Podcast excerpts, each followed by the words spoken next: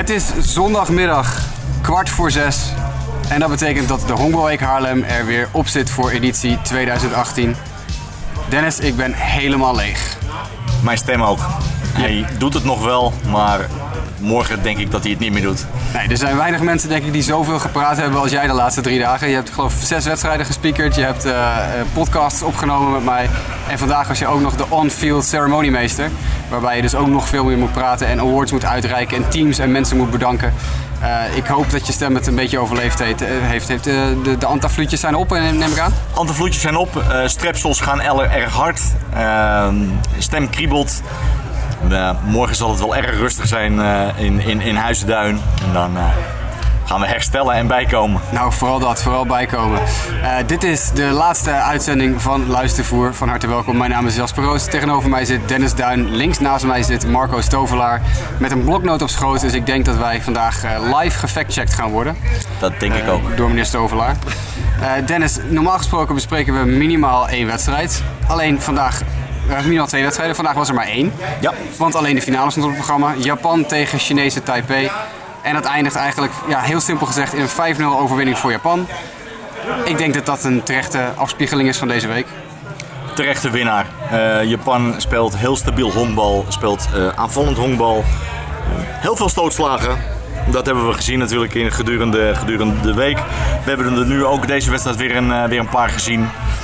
Maar de verdiende winnaar. Ja, nou, één, één grote inning waar de Japanners vandaag van profiteren. Ja, de zesde inning, eh, de zesde inning komen, komen uiteindelijk vier punten komen erop binnen. Met een uh, uh, three-run uh, home run van, van Chuniya Iwaki. Die op dat moment als pinch hitter in het slagperk komt. Maar die bal die sloeg hij ver. Die kwam zeker op de kleedkamers hier op, op het terrein van DSS. Nou, het is een behoorlijk stuk. Ja, dat is denk ik de verste misschien wat die we deze week gezien hebben. We kunnen natuurlijk niet allemaal zien waar ze landen, want uh, ja, we zien vanaf de perstribune niet voorbij de muur. Maar ja, we kunnen toch zien dat iets op, op het dak inderdaad bij DSS uh, landt. Goedemiddag. Dat was een aardig bommetje. Dat was een behoorlijke bom. Maar hij was weg. Hij was behoorlijk weg. Nou ja, Het was ook nog de eerste pitch. Hè. Er kwam een nieuwe werper in bij uh, Taipei op dat moment. Dat was ook de derde of zo.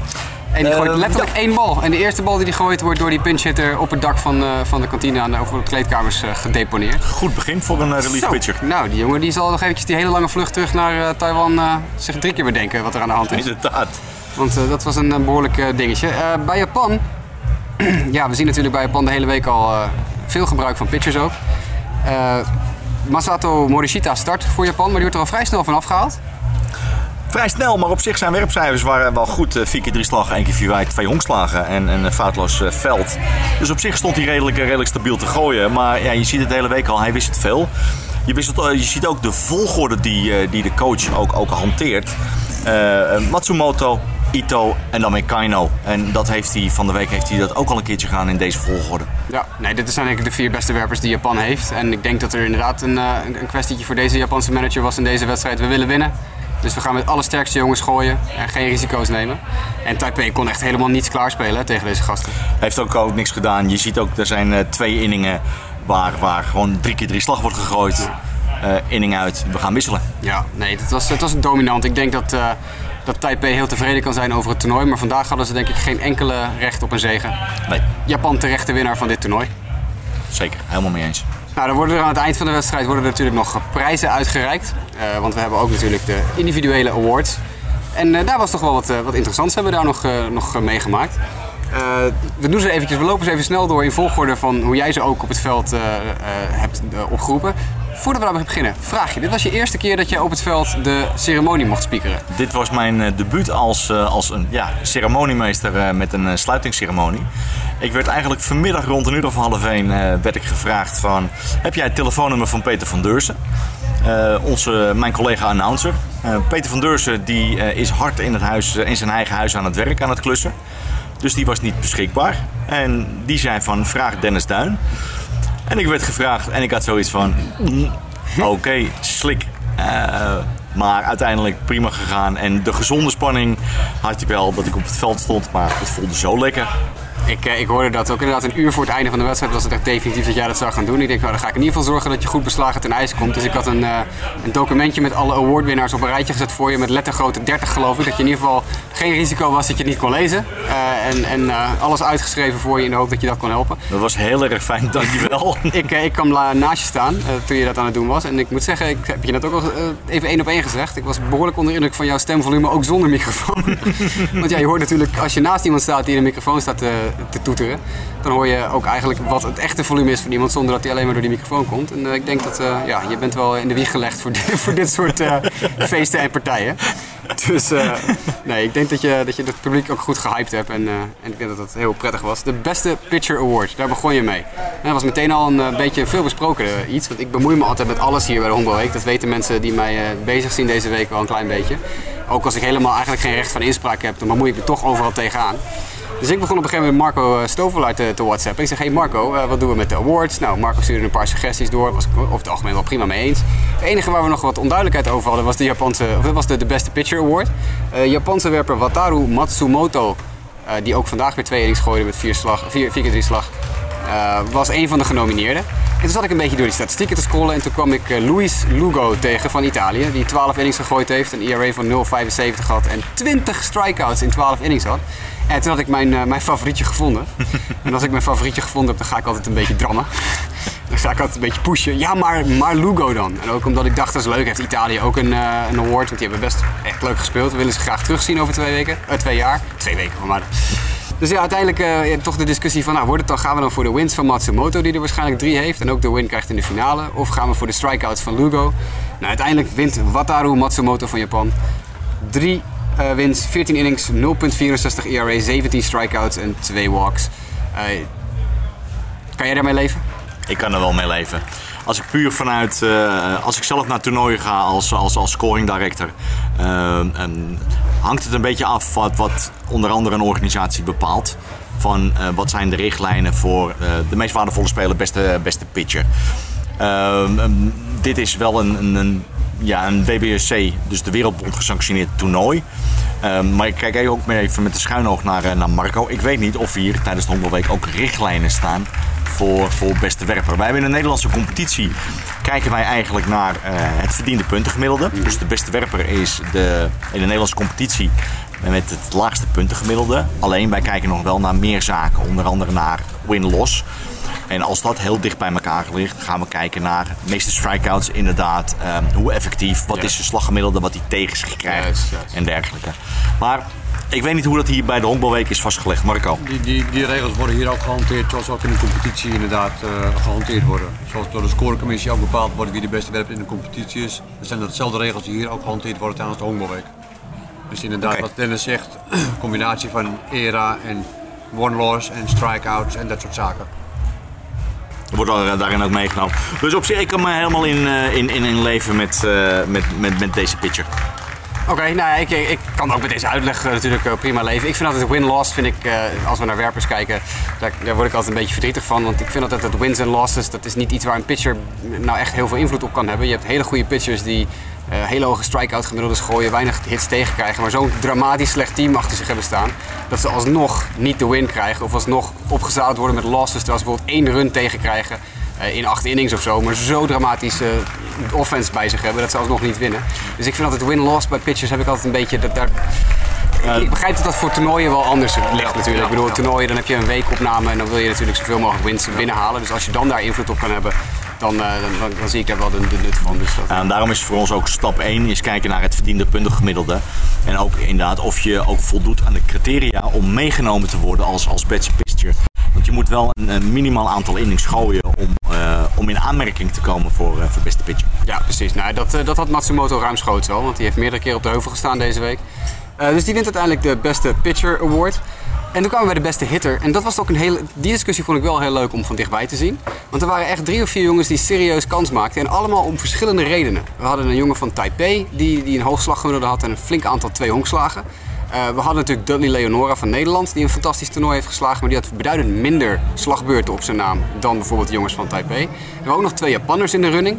Maar uiteindelijk hebben we toch gekozen voor eh, Dudley Leonora van Nederland. 8 uit 16, een 500 slaggemiddelde op het toernooi. Met een home run, 4 RBI's en 5 vrije lopen. En vooral die 5 vrije lopen, die tellen natuurlijk ook eigenlijk eh, behoorlijk mee. Hoe leuk was dat om, om Dudley Leonora af te roepen als beste hitter van het toernooi voor jou?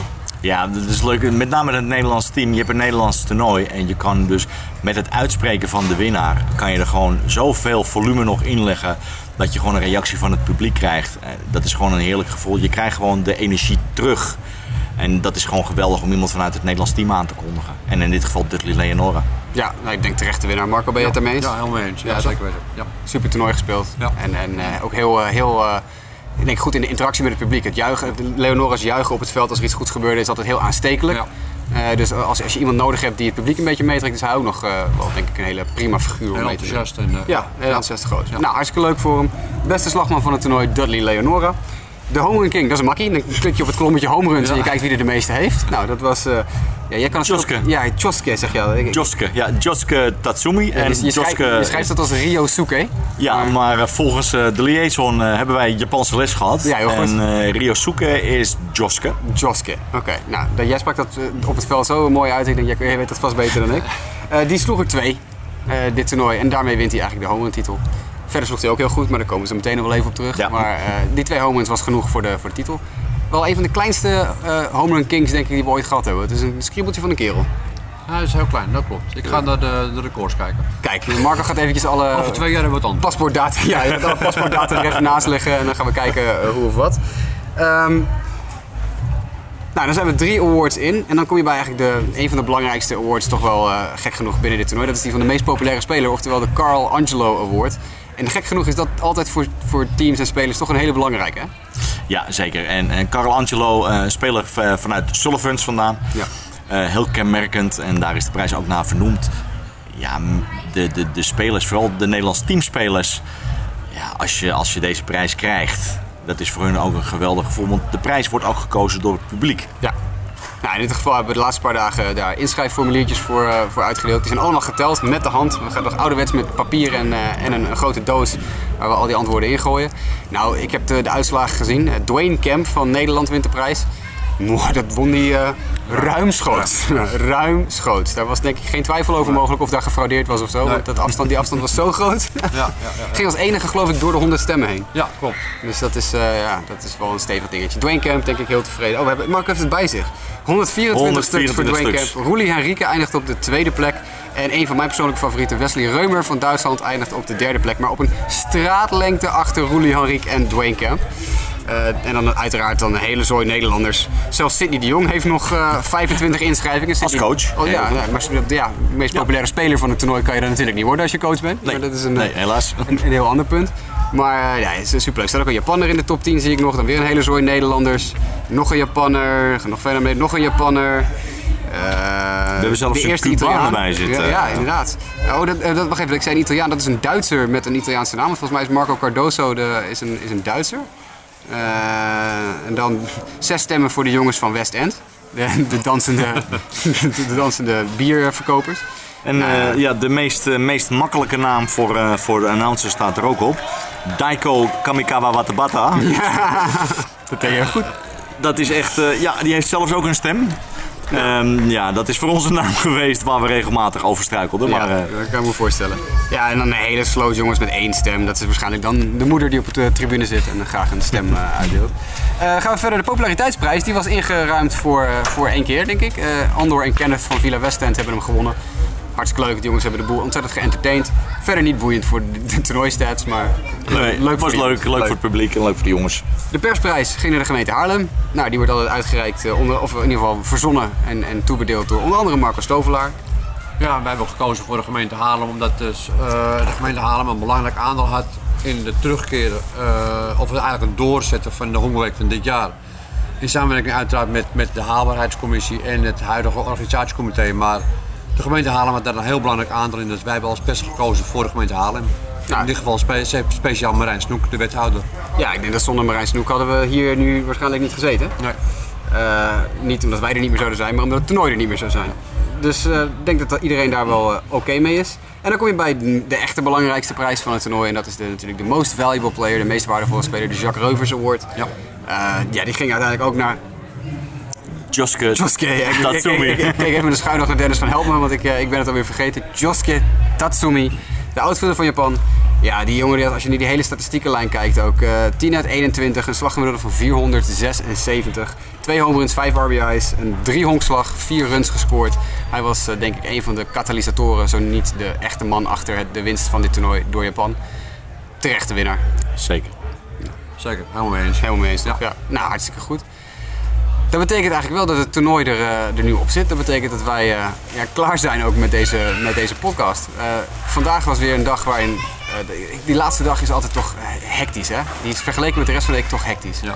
Heel hectisch. Het is dat je, ja, allerlei mensen van de organisatie rennen om je heen. Eh hoogwaardigheidsbekleders, laat ik het zo maar noemen, eh, komen allemaal langs. Die moeten ontvangen worden. Statistieken moeten bepaald worden. gecontroleerd Ehm, en gecontroleerd worden. Het bestuur is, is vrij, nou zenuwachtig eh, wil ik niet zeggen, maar die hebben het gewoon heel druk in hun hoofd. Want alles moet perfect gaan. Ja. Dingen die op het laatste moment veranderd worden. Dus, dus een, de eerste dag van het toernooi is heel hectisch. En vooral de laatste dag van het toernooi is heel hectisch. Maar op het moment dus dat de sluitingsceremonie is afgelopen, dan voel je gewoon van iedereen de Klaar. spanning eruit. Je ziet bij sommigen zie je de emotie naar boven komen. En dan is het van, yes, lekker gevoel. We hebben nog een goed toernooi gedraaid. Er werd eh, stevig eh, wat gehighfived op het veld en Ja. geknuffeld op het veld eh, waar wij ook bij stonden. Eh, het is toch die opluchting van iedereen. Van dit toernooi is, eh, niet dat het erop zit, maar dit toernooi is weer een succes geworden. We hebben allemaal knetterhard ons best gedaan. Ja, zeker. En het was inderdaad eh, één voor allen en allen voor één. Dat is het, ja. Ja. En dat is, dat is toch heel mooi. Ja. Eh, de dag begon overigens, daar heb ik wel een beetje, een beetje audio van ook nog, met de persconferentie eh, van Guus van D, de voorzitter van de Honkbalweek, en eh, Bart Volkerijk van de KNWSB. Eh, daar zat ik bij en daar heb ik even een eh, paar opnames van gemaakt van belangrijke dingen. Te beginnen met de belangrijkste opmerking van allemaal door Guus van D. De Honkbalweek komt terug. Mensen, welkom allemaal. Fijn dat jullie er zijn. We zijn bezig met eh, de laatste dag van een, een afronding van een uiterst succesvolle Hongerweek. Zoals jullie allemaal weten was de start niet zoals die normaal gesproken is, maar verliep met horten en stoten. Mijn linkerbuurman Bart heeft eh, in een vroeg stadium al eh, als lid van de haalbaarheidscommissie namens de bond eh, zich enorm ingezet om het voortbestaan van de Hongerweek te garanderen. De gemeente heeft een flinke duit in het zakje gedaan. Ehm, een aantal potentiële sponsors heeft gezegd, nou als jullie doorgaan doen we weer mee. En toen zat hun taak er eigenlijk op.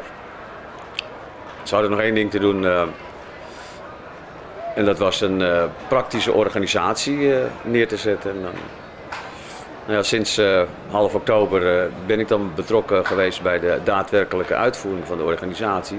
Daarbij gesteund door Bart, nog twee leden van de haalbaarheidsgroep en een aantal zeer frisse nieuwe comitéleden. En, we zijn aan de slag gegaan. En jullie hebben allemaal kunnen zien wat een, eh, wat een mooie week we achter de rug hebben. Goed weer, goede ploegen. Eh, veel publieke belangstelling. En eh, ja, het is jammer dat Nederland niet in de finale staat, maar het Haarlemse Hongerweek publiek, of het Hongerweek publiek, vindt het geen reden om thuis te blijven. Want we zitten bijna weer vol. Het een paar honderd kaartjes, scheelt het nog. Ja, dus ik kijk terug op een hele mooie week. En eh, ik heb nu, we hebben ontzettend veel geleerd. En eh, we kijken nu al een beetje vooruit naar 2020. Want dat we doorgaan is eh, eigenlijk zo zeker als wat. Dan mogen jullie ook vast een datum noteren. 26 juni. You know. 26 juni tot 5 juli 2020 is de 30ste Hongerweek eh, al geprogrammeerd. Nou, wat ik eh, over de financiën kan zeggen is eigenlijk niet, niet zoveel. Want eh, er lopen natuurlijk allerlei eh, facturen in en facturen uit. Maar wat ik wel kan zeggen, het groot gedeelte van de, van de, van de begroting vormt de re- recetten. En ook dat weet ik niet precies. Maar ik kan wel iets zeggen over het aantal toeschouwers. We hebben in deze tien dagen ruim 37.000 eh, toeschouwers gehad. En dat, eh, nou, dat is een aantal waar ik eh, acht maanden geleden blind voor had getekend. Dus qua toeschouwers zijn we zeer tevreden. Inclusief de finale, ja. stand van zaken van een uur geleden, Dick, hè? 21 wedstrijden. En eh, we hopen dat, eh, dat we daarmee eh, de recette die we begroot hadden kunnen halen. Maar ook dat eh, weet ik nog niet. Ja, jongens, we kunnen denk ik één ding eh, hieruit weghalen. Het is fantastisch. We, zijn er weer. 26 juni tot 5 juli 2020. De Honkbalweek is gegarandeerd. Nog, nog in ieder geval één keer. De 30ste keer. Marco, wat zijn jouw plannen met de 30ste jubileum, de, de jubileumeditie? Wat, wat voor Nou, nou- geschiedenisdingen gaan we allemaal doen? Wat voor, hoe, hoe, hoe groot gaan we dit aanpakken? Ik denk misschien best wel groot, want, want, want, want ik zit eigenlijk te denken aan een soort jubileumboekje, maar dan met, met statistieken en, en geschiedenis door de jaren heen. Spelers die in de Major League gespeeld hebben, Nederlandse teamselecties, eh, medewerkers door de jaren heen. En misschien is het een goed idee voor de organisatie om een eigen uh, Honkbalweek Hall of Fame op te gaan richten. Ja, dat lijkt me een heel goed idee. En dan kijken of we wat van die spelers uit het Ja. verleden ook nog eh, kunnen opscharrelen en naar Nederland kunnen En halen. eerst ballen te gooien. Dat zou te gek zijn. Ja. Nou, dat lijkt me hartstikke leuk. Ik, eh, ik heb er nu al zin in. Ik ook. Ik kan niet wachten. Is het al 2020? Het is, bijna. Het is nog geen 2020. Er zijn nog kaarten voor de eerste wedstrijd van 2020. Ja, er zijn ook kaarten. De kaartverkoop gaat Ja. eh, hopelijk spoedig Ja. beginnen.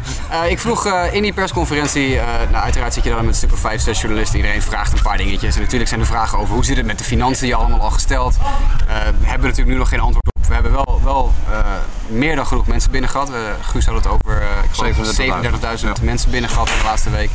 Dus ja, dat is denk ik meer dan genoeg om in ieder geval richting het, eh, het kietpunt te kunnen komen. En hopelijk eh, in de zwarte cijfers te zijn. Maar wat ook een aantal journalisten ook heel interessant vond, en ik eigenlijk ook wel, is hoe gaan, hoe gaan we het doen met de teams die over twee jaar komen? Er werden meerdere vragen gesteld over eh, eh, wat, wat eh, komt Team USA bijvoorbeeld weer terug. Nou, daar had, eh, Bart- Volkerijk had daar wel een aantal dingen over te zeggen. Eh, maar mijn vraag aan, aan Guus en aan Bart was eigenlijk van ja, eh, kijk naar de teams die er nu zijn. Eh, we hebben Duitsland gehad, we hebben, we Italië weer terug. Ten eerste komt Italië weer terug, want Italië is toch wel een soort stempel denk ik op de Honkbalweek altijd geweest. En wat doen we met Team Cuba? En daar zeiden ze het volgende over. Ja, ik denk als je naar het deelnemersveld kijkt, dan is dat een wens. Hè. We hebben ook dit jaar geprobeerd om een Amerikaans team te krijgen. Ehm, dat eh, als je echt Team USA, zoals we hier vier jaar geleden hebben gehad, ja, die hebben altijd een heel strak programma. Eh, ik heb met die Amerikaanse bond daarover gesproken. Ja, die zitten gewoon heel vroeg vol. Dus ik ga nu nog vroeger met ze overleggen of het erin past.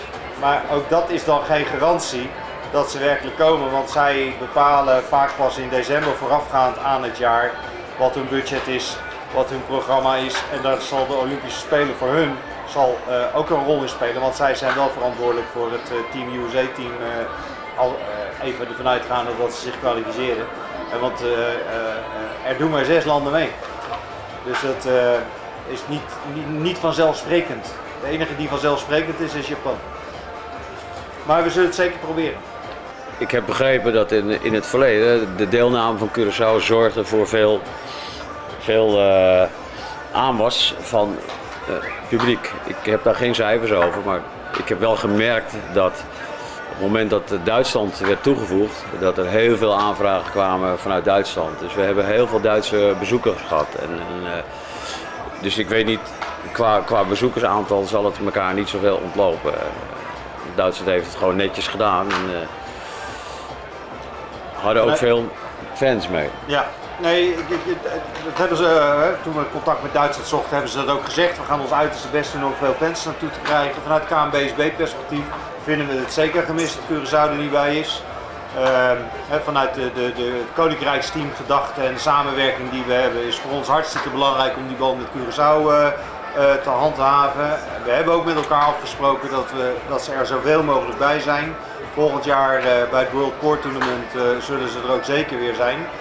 Ehm, ook commercieel gezien hebben we de laatste jaren gemerkt eh, door de samenwerking met eh, de vertegenwoordiging van Curaçao hier in Nederland, de gevolmachtigde minister, maar ook met Cinex, de investeringsmaatschappij van Curaçao, andere bedrijven, eh, dat het ook commercieel interessant kan zijn. Dus we, vanuit KNBSB's perspectief vinden we Curaçao echt van toegevoegde waarde. Ehm, en proberen dat in de toekomst ook zeker erbij bij te, bij te houden. Ehm, maar goed, je hebt niet alle factoren in de hand. eh. Daarop aanhakend, eh, Italië is dit jaar weer terug voor het eerst in best wel een, eh, lange tijd. Is altijd natuurlijk een, een stempel de Hongerweek, is altijd Nederland-Italië. We zijn hier weer terug. Eh, de competitie in Italië loopt altijd tijdens de hongerweek ongeveer. We hebben deze keer speciaal wedstrijden geplaatst om hier te kunnen zijn. Gaan jullie weer om de tafel met Italië om ervoor te zorgen dat ook zij over twee jaar weer ons willen accommoderen, tussen aanhalingstekens, uh, door de competitie weer een beetje te verplaatsen, ze hier weer kunnen zijn? Zeker. Uh, Italië heeft een paar ontzettend mooie wedstrijden gespeeld. En horen er qua, qua niveau uh, echt bij. Kijk, wij willen graag twee deelnemers uit Europa, twee deelnemers uit Amerika, twee uit Azië. Dat zou, dat zou een mooie mix geven. Dus, dus Italië is daar zeker een kandidaat in. Ook gezien de, de populariteit die ze, die ze bij de fans hebben. Ja, ik uh, heb van de week al met de Italianen gesproken. Uh, ik denk dat de bereidheid om uh, dat te doen heel groot is. We hebben de afgelopen anderhalf, twee jaar de, de, de band met Italië echt weten te versterken weer op allerlei manieren. Vorig jaar zijn we naar Italië gegaan om drie wedstrijden met het Nederlands team te spelen. ze zijn hartstikke blij, zijn onder de indruk van de organisatie. Uh, we zijn nu zelfs in gesprek uh, uh, met, met, een aantal partners van het Italiaanse honkbal in het bedrijfsleven om te kijken hoe we daar samenwerking mee kunnen krijgen. Dus dat ligt best in de lijn van de verwachtingen. Ehm, het is wel heel aardig om te zien dat ook de Duitse federatie, maar bijvoorbeeld ook de Tsjechische, eigenlijk wil iedereen heel graag hier meedoen. Dus we hebben in die zin een luxe positie dat we ook kunnen kijken van hey, wat, wat komt best uit en we zien dat, het, dat ze presteren. En ik denk dat het belangrijk is voor het Europese honkbal dat, uh, om, om, dat geheel omhoog te krikken, dat, dat ze meedoen op dit soort toernooien. Dus uh, als het even kan, moeten we daar plek van maken. En Italië is uh, een goede partner. Maar qua niveau en landen bouw je nu een mooi bruggetje eigenlijk naar het volgende land. Dat even spreken. Cuba was het dit jaar weer. Met een team dat het niveau van de normale Cubaanse team dat hier altijd komt bij verre niet gehaald heeft. Wordt er met de Cubaanse bond gesproken over dat ze de volgende keer weer een beetje een A- en B-team sturen en niet een EFF-team? Nou, dat hebben we, sterker nog, dat hebben we vooraf ook gedaan. En dat, uh, en dat betekent dus wel dat er uh, enige zorg is over de ontwikkeling van het Cubaanse honkbal. Want ook hier in deze week uh, een paar keer met de Cubaanse delegatie gesproken. We hebben van tevoren afgesproken dat zij met het best mogelijke team zouden komen. We wisten van tevoren dat ook de Pan Am Games zouden starten. ze hadden uh, de afspraak was, ze hebben een selectie van 55, 60 spelers. De beste daarvan gaan naar de Pan Am Games, dat is logisch, hè? dat is het toernooi wat... En de anderen zouden komen hierheen. Nou, dan kan ik niet helemaal uh, nagaan of dat werkelijk is. Zij zeggen van wel. Uh, maar de signalen vanuit het hele Cubaanse honkbal, want er zijn natuurlijk best een hoop spelers inmiddels wat vertrokken nu alle, alle, alle Barrières. Nou ja, grenzen wat meer open zijn. En uh, ja, we zullen uh, een serieus uh, gesprek moeten hebben voor een vervolg. want het is duidelijk dat, dat ja, dit niet aan de verwachting voldoet. Hè, gelukkig hebben ze aan het eind kwam nog iets, iets swing in. Maar ja, wel aan de onderkant van de, van de toernooiladder. En dat, ja, dat wil je niet hebben als je Cuba hebt. En dan hebben we de beelden voor ons van Armando Capiro die die bal op thuis gooit. Nou, die hebben we nu, dat gevoel hebben we niet gekregen dit toernooi. Dus het is geen opgelegd pandoor dat, dat Cuba er over twee jaar bij is. Dat, daar moeten we echt uh, goede afspraken over maken van, van tevoren. Maar ja, in dat werelddeel zijn mooiere landen. Uh, Puerto Rico is gevallen. Hè? is ook een hele mooie deelnemer die we ook hier wel eens gehad hebben en geliefd is. Dus. Maar zo'n team als Cuba, afgelopen week zien we liever niet nog een keer. Ja, de belangrijkste informatie die we hier... Kijk, we kunnen natuurlijk nog, hebben geen idee natuurlijk welke teams er gaan komen nog. Want er is nog geen, niks officieels vastgelegd. Maar we streven naar 2-2-2. Dat wil zeggen twee Europese teams, twee Aziatische teams en twee Noord- of Midden-Amerikaanse teams. Nou, Team USA staat hoog op het lijstje altijd. Maar dat is gewoon moeilijk om die, om die te krijgen. Want uh, ten eerste hebben die een heel druk schema. Want iedereen wil natuurlijk het beroemde college team, Team USA hebben.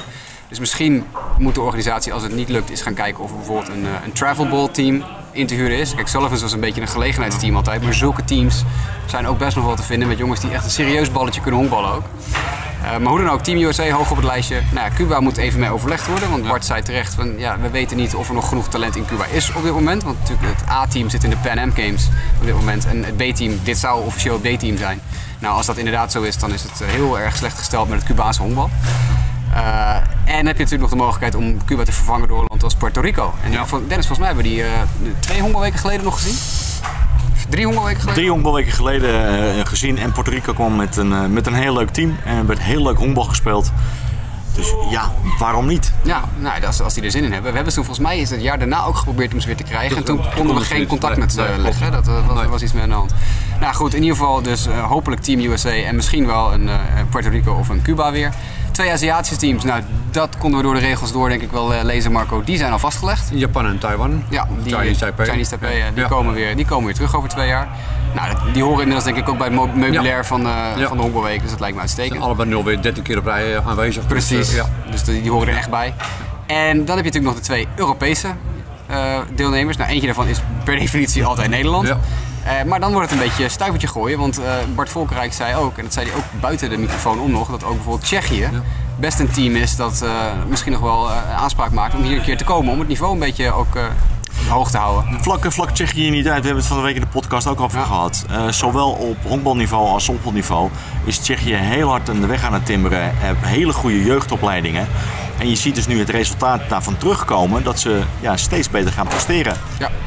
Ja, en, en dat heb je natuurlijk wel, eh, Duitsland wat al in de lift zit een Ja. beetje. Die hier nu voor het eerst geweest zijn. Spanje, twee jaar Spanje. geleden tweede werd het Europese kampioenschap. Precies, dus er zijn best wel wat opties binnen Europa. En natuurlijk aan de ene kant kan je een beetje helpen reiskosten te drukken als je wat meer teams uit Europa hebt. Zoals nu hebben Nederland, Duitsland en Italië. Nou, dat is allemaal op eh, loopafstand bij wijze van spreken. Eh, en als je natuurlijk een land als weet ik, Puerto Rico of Cuba natuurlijk hierheen haalt, dat is altijd wat meer reistijd en wat meer organisatie. Maar eh, ja, ik denk naast Nederland of een Duitsland of een Spanje of een Italië of een Tsjechië hebben. Ja. Heb jij een voorkeur, Marco?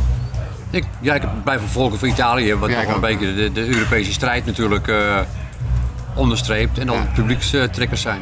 Ja, En voor de klassiekers eh, zorgen, zoals we natuurlijk van de week de 2-1 wedstrijd hadden. Fantastisch, ja. Ja. Nee, dat, dat lijkt me ook gaaf. Ik vond Duitsland een, een heel leuk team. Niet, niet heel supergoed, maar wel heel leuke jongens allemaal. Zeker.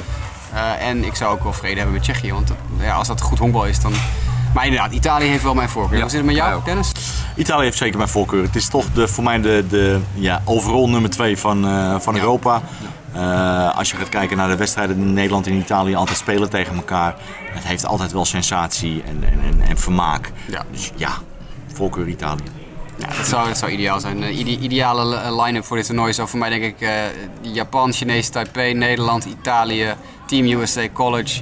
En dan of een heel goed Cuba-team of inderdaad een, eh, een Puerto Rico. Dominicaanse Republiek. Dominicaanse Republiek Ja. zou ook heel, eh, Ja. heel leuk zijn als we daar een team vandaan kunnen halen. Een dergelijke constructie heeft denk ik wel mijn voorkeur. Dat zou denk ik wel de meest ideale zijn. Curaçao eh, staat natuurlijk altijd heel hoog op het lijstje voor de KNBSB. En dat is ook wel terecht, want die, ook- die, die trekken natuurlijk heel veel mensen. En Ja. kunnen heel vermakelijk en, en leuk voetbal laten zien. Ze zijn altijd gemotiveerd En hebben goede teams. goede teams. Dus, eh, dus dat is ook nog een mogelijkheid. Mocht Cuba eh, denken van we hebben geen zin of we kunnen niet of we hebben niet genoeg talent, dat dan eh, Curaçao eh, naar Nederland gehaald wordt weer. Ja. Die kon deze keer natuurlijk afgezegd hebben. Dus er zijn mogelijkheden genoeg. Zeker weten. Nou, dat is in ieder geval fijn om te weten. Dan kunnen ze daar over twee weken begint Guus geloof ik alweer met zijn commissie aan het, eh, aan het opzetten van de week in 2020. Dus dan hebben ze in ieder geval ideeën hoe, hoe of wat.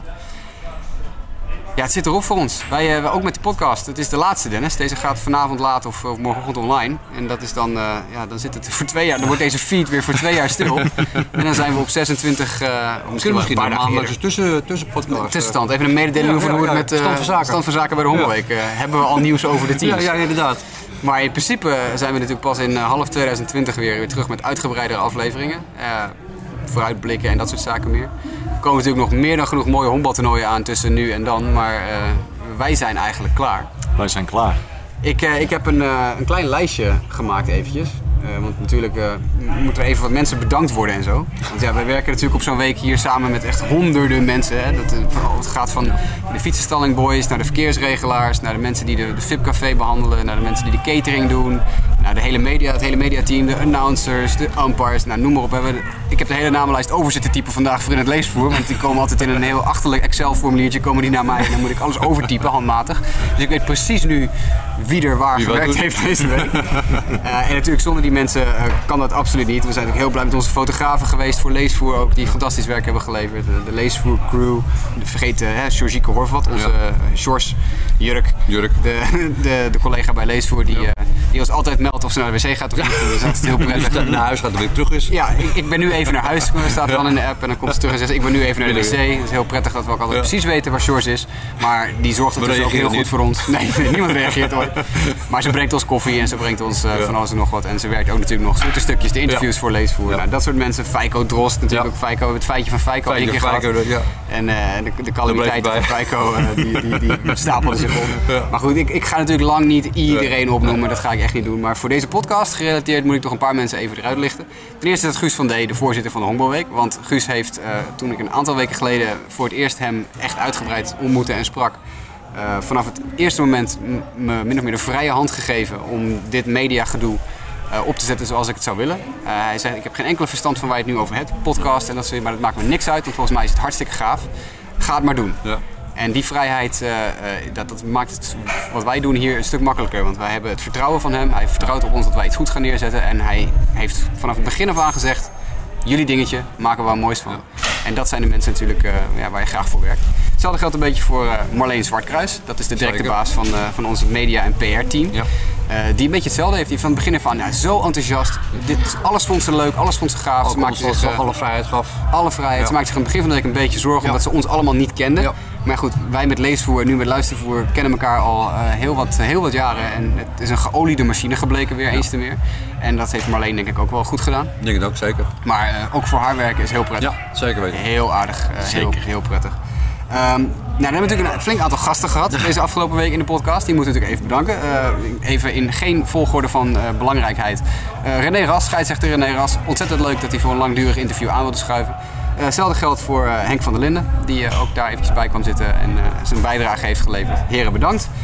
Dan hebben we natuurlijk nog Marieke Fokkema en Jason Houtkamp, die allebei één uitzending hebben meegemaakt. Marieke die nou ja, ongelooflijk veel werk heeft verzet. Ik heb dat van dichtbij gezien wat die allemaal gedaan heeft voor de Hongerweek. En zelfs dan nog tijd had om eventjes met ons te ouwehoeren over van alles en nog wat. Jason Houtkamp, ontzettend leuk dat hij één uitzending erbij is geweest, denk ik. Jullie ook heel bedankt. Eh, Roy van der Watering is nooit aanwezig geweest in de podcast, maar is toch altijd aanwezig geweest in de podcast. Dus eh, ook Roy van der Wateringen, eh, Ja. dank dat je ons elke dag weer munitie hebt gegeven om weer een verhaaltje te vertellen. Eh, en hij zei, ja, één keer is hij langskomen lopen, maar toen peerde hij hem ook weer heel snel. Ging ja. Ja, ja, ja. Dus eh, superleuk. Eh, Roy is onze rode draad geweven- gebleken met René Ras. Voor het Nederlands team, daar heb ik ook een paar be- belangrijke bedankjes voor. Sepp Visser ten eerste, de media guy van het Nederlands team. Die ja, ontzettend veel hulp geboden heeft tussendoor. En, en lijntjes uitgelegd heeft en contact heeft gelegd voor ons. Dat maakte mijn leven heel veel makkelijker. En natuurlijk dan de spelers die we geïnterviewd hebben. Dat waren voor Nederland Dwayne Kemp, Kevin Heijstek, Orlando Intema. Dat interview met Orlando Intema is trouwens nooit in de podcast afgespeeld. Dus ga nu niet als een gek zoeken van waar is het interview met Intema. Dat was voor een vlog en ik geloof dat die vlog verloren is gegaan. Maar we hebben hem daadwerkelijk wel geïnterviewd. Dan hebben we er meer. Stijn van der Meer hebben we gehad nog. Rob Kordemans hebben we gehad. En uiteraard de manager Evert-Jan het Hoen. Volgens mij heb ik ze nou allemaal. Eh, daarnaast ook natuurlijk een bedankje naar Chris Colabello van Team Italië. En Simon Guring van Duitsland, die als buitenlandse invloeden in onze podcast hebben gezeten. En dan komen we bij de belangrijkste twee. Links van mij Marco Stovelaar, die elke dag keurig als ik riep... Marco, minuutje! Ja, kom eraan!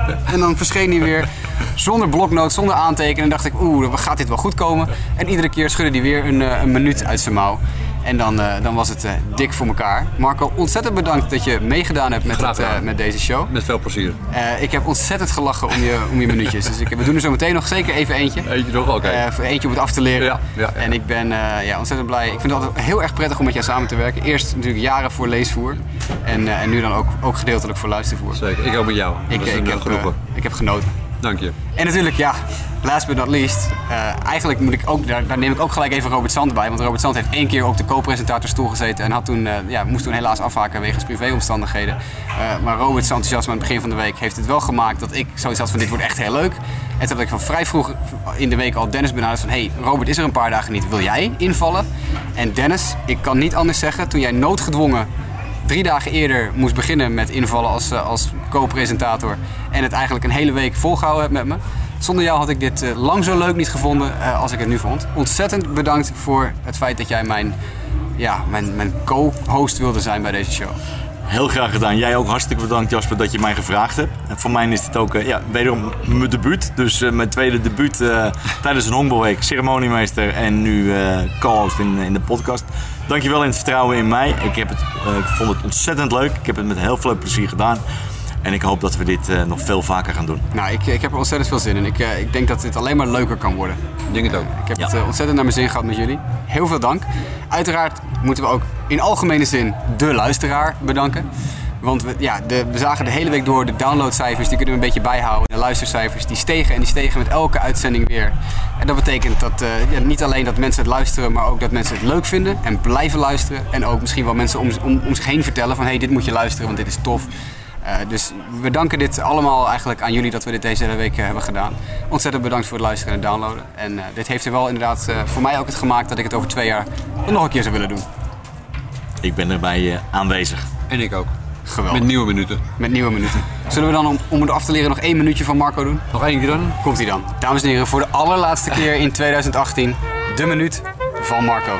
We gaan weer even terug naar eh, 1972, want, want van de week hebben we het erover gehad dat het eh, begin van de carrière was van eh, Dave Winfield en Dennis Martinez. Maar eigenlijk ook van een van onze betere werpers, eh, Win Remmerswaal. Die eh, gooide tijdens de Haarlemse Hongerweek van 1972 en 1974, werd daarna gecontracteerd door de Boston Red Sox en maakte in 19 in 1979 zijn debuut in de Major League. In de Major League waren natuurlijk in de jaren daarvoor ook al een aantal eh, spelers van Nederlandse afkomst. Bijvoorbeeld in 1871, ja 1871, de in het Groningse Nieuwe Schans geboren Reinier Wolters. En in 1894 John Houseman, die ook ergens in Nederland geboren zou zijn. Dat waren echter, echter eh, ehm, Nederlanders die in Amerika opgroeiden. En later ook de bekende Bert Blijleven, die in Zeist geboren werd, maar al op tweejarige leeftijd naar Amerika vertrok. In de jaren 50 kregen eh, Han Urbanus en Jan Smit de kans om bij de New York Giants mee te trainen. In de jaren 60 hadden we het befaamde Leo van der Karfonds, die eh, talentvolle sporters eh, in de gelegenheid stelde om naar Amerika te gaan. Dat werd bijvoorbeeld Herman Bijtschat, Boudewijn Maat en Ben de Brouwer. Maar Win Remmerswaal werd de eerste in Nederland opgegroeide eh, honkballer die in Amerika debuteerde. En toen Win Remmerswaal in 1979 voor het eerst op de heuvel stond in eh, de Major League, stond daar een titel onder zijn naam. En dat was zijn volledige naam, Wilhelmus Abraham Remmerswaal. De commentator zei toen van, je zal dit je hele leven op honkbal moeten schrijven. Ja, ook je teamgenoten zullen er niet zo blij mee zijn, want dan blijft er geen ruimte meer over voor jou. Dus dat is wel eh, extra vervelend. Uh, nee, Marco, eh, superleuk weer. Uh, ontzettend fijn dat je dit, dit weer gedaan hebt. Jongens, het zit erop. De zon schijnt nog een klein beetje. De, de, het feest is losgebarsten. Uh, er wordt op dit moment uh, andijvie gestampeld geserveerd voor het personeel. Ik heb een sterk vermoeden dat wij even een patatje gaan halen. Ik denk het ook. Ja, mayonaise. ja, lekker veel mayonaise. Ja. jongens, ontzettend bedankt. Ik kan graag niet anders zeggen. Heel graag gedaan. Jij Ja, ook. Ontzettend Ja, bedankt. bedankt. Normaal Tot gesproken zeggen we nu uh, tot morgen, maar inderdaad Tot over twee jaar. tot over twee jaar. 2020. Zijn we er weer. 26 juni. Tot dan. Podcast, podcast 1. Podcast 1. Zet het in je agenda. Ja. Dag. Dag.